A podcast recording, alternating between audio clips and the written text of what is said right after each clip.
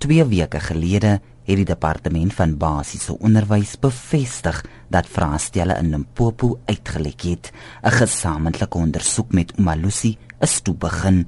'n Woordvoerder vir die departement, Shanay Hawk, sê die departement is teleurgestel in die voorval wat plaasgevind het. Sy sê in die algeheel was daar min probleme. Maar soos ons vir Suid-Afrika laat weet het, ons is besig met te hanteer en die kinders in daai spesifieke distrik gaan volgende week daai vraestelle oorskryf omdat dit net hulle is wat geaffekteer is. Maar oor die algeheel, weet jy, is ons baie gelukkig met die afloop van die eksamens en ons weet ons kinders het baie hard gewerk, ons onderwysers het hard gewerk. Sy sê die valke ondersoek ook die uitlekking van vraestelle nadat daar 'n paar moontlike verdagtes geïdentifiseer is. Ons weet wat spesifieke leerders op die stadium uh, betrokke was en al die leerders is ondervra.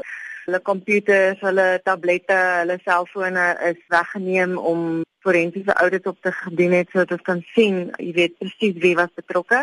En sodra ons die uitslae het van die valke se ondersoek, sal die nodige stappe geneem word teen die leerders of teen die groot mense teen wie ook al betrokke was daarin. Sy sê die nasienproses sal volgende week begin. Ons het amper 50000 merkers wat nou uh, betrokke is by net oor die 11000 merksentrums.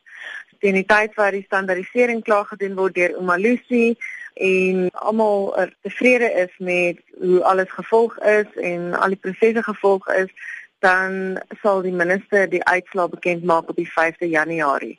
Die provinsies sal hulle uitslae bekend maak op die 6de Januarie en die lede sal dan ook hulle uitslae op die 6de Januarie kry. Dit was Shanay Hawk, 'n woordvoerder vir die departement van basiese onderwys, Jean Estreisen, SABC nuus.